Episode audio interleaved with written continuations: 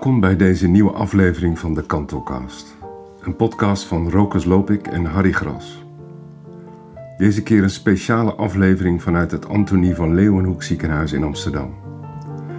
Als je een actief gebruiker bent van social media, dan heb je in de afgelopen dagen wellicht een bericht gezien van de hand van Russell Cummins. Hij kondigde in dat bericht zijn verscheiden aan. Ik citeer: Ik heb euthanasie in één week, kanker. Verblijf en uitvoering in AVL Amsterdam.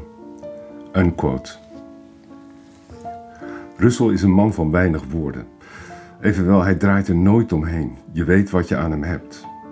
Hij spreekt uit waar veel mensen wel aan denken, maar niet durven zeggen. Samen met Cassandra Barkman, een vriendin en een andere geweldige ervaringsdeskundige, bezochten wij Russell op 5 januari 2024. Daarvan hier akte.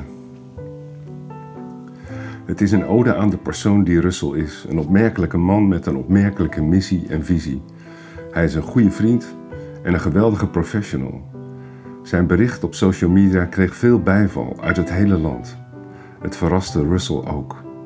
Wat hij betekent voor de GGZ, peer support, ervaringsdeskundigheid en nog veel meer is enorm. Het doet hem meer dan deugd. Hij is er ontzettend blij mee, die support. Wiepke Kaan, professor in het UMC Utrecht en Altrecht, heeft het initiatief genomen om een award in het leven te roepen: de Russell Cummins Award. De commissie die gaat bepalen wie die award voor de eerste keer in ontvangst mag nemen, die bestaat uit vier ervaringsdeskundigen. Nanette Waterhout, Adi Venderbos, Cassandra Barkman en Peter Pierik. Meer nieuws daarover volgt. Die award bestaat uit een prachtige beker uit de jaren 50, gevonden op Marktplaats. Ik ga hem deze week in Limburg ophalen. Deze podcast is online gezet op verzoek van Russell Cummings en dus met zijn toestemming. De muziek in deze podcast is van de hand van Joachim van Marrewijk, ook wel bekend onder zijn artiestennaam Chalem. Dank alvast voor het luisteren naar deze aflevering van de Kantelcast. En ja, Russell geeft je toestemming om hem te delen met jouw netwerk, jouw vrienden en vriendinnen en jouw familie en jouw collega. Steek maandagochtend om 11.30 uur een kaars aan voor Russell. Nogmaals dank en tot de volgende Kantelcast.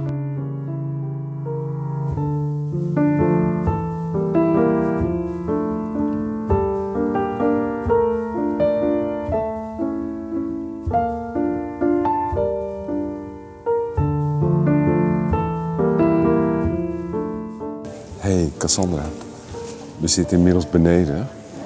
Ja. Eh, we hebben net afscheid genomen van Russell. Hoe vond je het? Fijn. Ja, goed hè? Ja, Ja. Die man, die is zo sterk. hij straalt. Eh, hij straalt echt. Hij is hè? nu al Ja. licht. Een twinkle in his eyes. Voortdurend eigenlijk, ja. Geweldig. Ja. Is er nog iets wat jij, wat, wat jij, wat zou jij nog willen zeggen? Ik vind het fijn dat je het vraagt. Ehm, ik denk dat ik wil zeggen dat ik persoonlijk super dankbaar ben dat ik hem heb mogen leren kennen. En dat we eigenlijk allemaal dankbaar mogen zijn dat we hem hebben leren kennen. En dat we er ook zo naar kijken. Want als wij nu niet dit moment met elkaar delen, dan hadden we hem niet gekend. En daar ben ik echt dankbaar voor. Ja, mooi. Prachtig. Nou, we zien elkaar waarschijnlijk over, eh, nou weet ik veel, Een aantal dagen. ja, een aantal dagen. Want we, we gaan iets zeggen op Ja, zijn uitvaart. we gaan zeker iets zeggen. En dit komt er vast en zeker in terug, denk ik. Dat denk ik wel. Ja. Dat weet ik wel zeker. Ik vond het heel bijzonder om eh, hier samen te zijn, eh Cassandra. Ik ook, ook. Dankjewel. Ja, jij ook bedankt.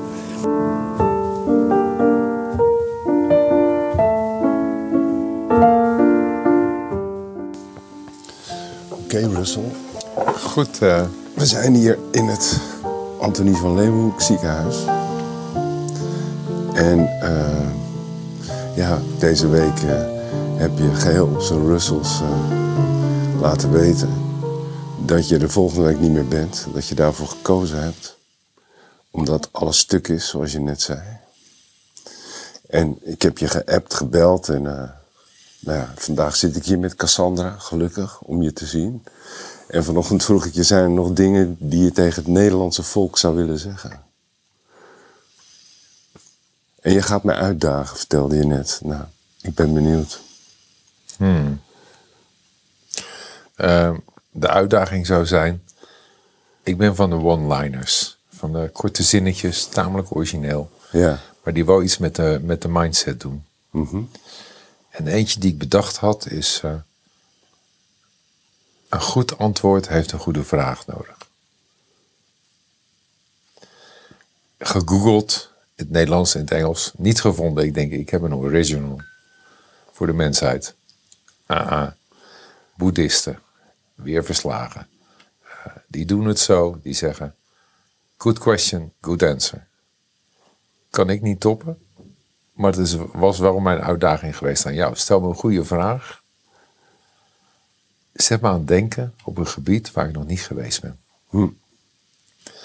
En het Nederlandse volk, ja, dat is een groot volk, hè? Ja, Dat, eh, nou ja, we hadden net, eh, ik wilde eigenlijk zeggen, want daar begonnen we het gesprek mee. De, eh, je vouwde je net je telefoon open en je ging op LinkedIn kijken en je vertelde, ja, op dat bericht wat ik geplaatst heb op zijn Russells, daar, daar reageren dan zo'n 19.000 mensen op.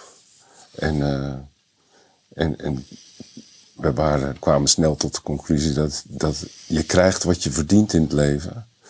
Eh, je hebt wel iets neergezet in, eh, in de afgelopen, nou, ik weet niet hoeveel jaar, maar heel veel mensen kennen jou. Eh, je hebt overal gestaan, gesproken, lesgegeven, mensen geïnspireerd. En ik noem je vaak de beste ervaringsdeskundige van Nederland. En ja, en, en hoe, hoe, hoe je dat helpt nu eigenlijk, hè, dat alles bij elkaar komt. nou, wat ik ook dan zeg is: ik kom van ver. Mhm. In mijn dakloze psychotische jaren stapten mensen over me heen. Van, eh, mensen verstoten me, eh, wilden me niet zien. Ik mocht niet naar binnen. En nu eh schijn ik opeens eh, hot en populair te zijn. Dat verbaast me wel eens. Ik kom van ver. Van, van niets naar iets. Ja. Ja, ik vind dat je jezelf tekort doet hoor. Als je zegt hot en populair. Je krijgt gewoon terug wat jij eh, mensen gegeven hebt. Dankjewel. ik heb wel gegeven, maar ik ben een laadbloeier. Dat mensen voor het leven kiezen is niet vanzelfsprekend namelijk. En ik had op mijn twaalfde gezegd, ik doe niet mee. Zoek er maar uit.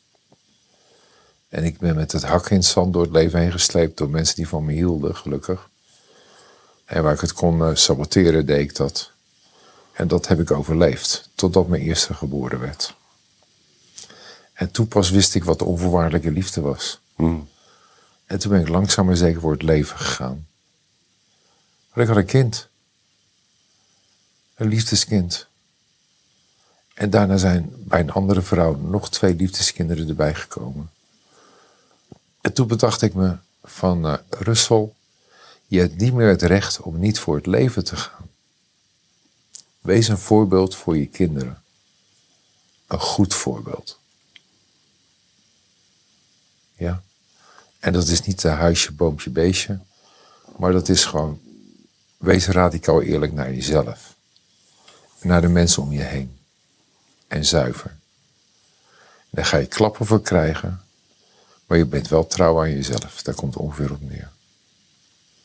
Dat is wat ik probeerde tegen mijn kinderen, naar mijn kinderen over te brengen.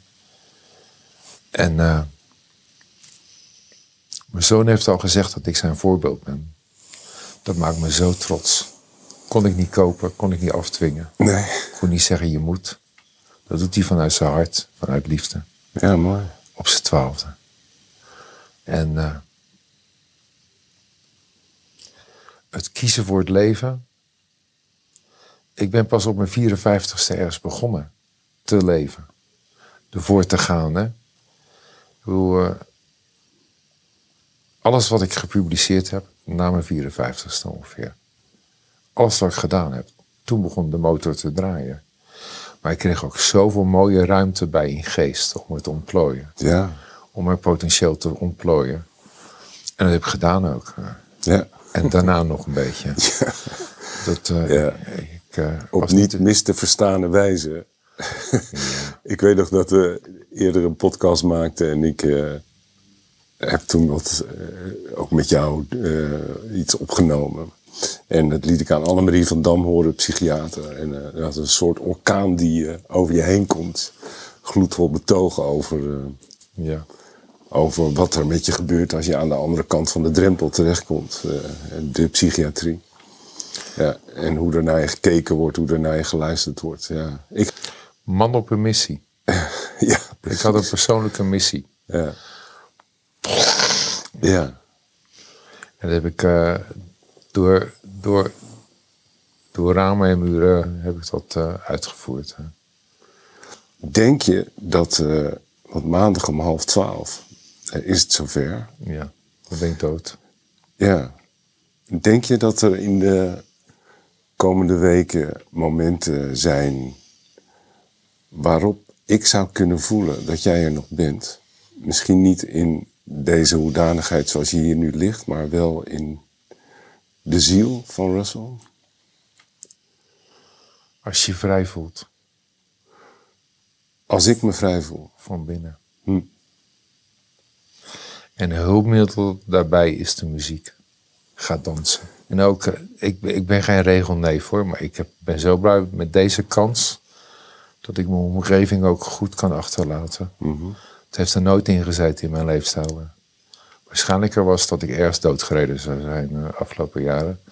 Maar ja, eh, ik, eh, ik was nog niet klaar. En ik had nog wat te doen en dat ben ik nu aan het doen. En het is eigenlijk dus ook eh, jullie goed achterlaten. En daar doen jullie ook wat in hoor. Natuurlijk doe ik niet alleen. Doen we samen. Hm. Maar ook al met jullie twee voelt ook goed. Het belangrijkste is dat het met mijn kinderen goed voelt. Die moet ik goed loslaten. Maar ook die moeten mij goed loslaten. Met zo min mogelijk schade. En dat kan ik niet afdwingen. Dat is gewoon een proces. Dat is, iets, een, eh, dat is nog steeds die achtbaan waar ik en mijn, eh, mijn naasten in zitten. Ja. Was het een goede vraag die ik stelde? Goed zo. Dankjewel. Dankjewel. Jij bent ook niet snel onzeker, hè? Maar nu was je het even. Altijd. Ik zie het, ja. Ja. Het is geen wedstrijd. hoor. Nee, ik weet Nooit het. geweest ik weet het. Nee. Ik ben een vrouwenman. Ja. Omdat met mannen heb ik altijd een soort competitie. Met jou niet. Heel prettig. Ja. Heel verademend. Dankjewel. Mooi is dat, hè? Ja. Ja. Maar jij hebt me ook een hele grote break gegeven. Meet the Experts, 2014. Ja, precies. Ja. Dat was het jaar van mijn internetdoorbraak. Ik kwam toen op Case Western University website. Ik heb een t-shirt van de Case Western University website. Maar ik kan ook claimen dat ik er ook op sta. Ja. Ja. Gewoon met mijn levensverhaal. ja. Toen kreeg ik, dat was mijn eerste break. Ja. Jij was mijn tweede. Dansend eh, in de kleine zaal van de toneelschuur. Hey, je gaf me een opdracht. Ja. Je zei, zet ze op het verkeerde been. Ik denk, hoe, hoe ga ik dat doen? Nou, dat heb ik zeker. Heb je gedaan, ja. Ja. Ja. Ik heb het kunstje nog wel eens voor de Hogeschool van Utrecht herhaald hoor. Ja, ik weet het, ja. Dat, ja. eh, Hey, je hebt het wel vaker gedaan, toch? Of niet? Ja, het, is- Ja. het zit in mijn repertoire. hè. Ja, ik was eh, met Harry in Moldavië twee weken geleden. Hebben we jouw vier minuten oefening weer gedaan. Hè? Jouw Cool. PowerPoint eh, tevoorschijn getoverd. Wat goed. Zoals ik dat altijd doe. En eh, ja, het was weer geweldig natuurlijk. Die bubbels om je heen zie je ontstaan. Je ziet ze gewoon, je ziet ze gewoon opbloeien. Ja, ja, Dat, eh, ja. Jouw PowerPoint, dus ik gebruik jouw slides ook met jouw kleurtjes en jouw dat- naam. en die toestemming heb ik ook heel lang geleden gegeven. Ja, weet ik. Ja. Daarom gebruik ik hem ook altijd. Is goed. Dat, hey, ik heb ook een gedichtenbundel. Ja, ja. Die heet eh, eh, For the Free. En de ondertiteling is For Free. ik zag hem. Spread the word. Ja. Gooi maar rond. Je hebt hem in eh, Google Maps gezet. Ergens, ja. Al en die, er zitten dingen tussen die tot het leven nadenken. ja. En voor het leven. Ik ben er al heel lang uit. Ik ben klaar. Ik ga. Nog iets tegen, tegen het Nederlandse volk? Of? helemaal niet. Nou, één Je hebt alles al gezegd. het Nederlandse volk. Voor het Nederlandse volk. Ah, Ja. nou ja, voorkom vooral dat de stomzinnigheid gaat regeren.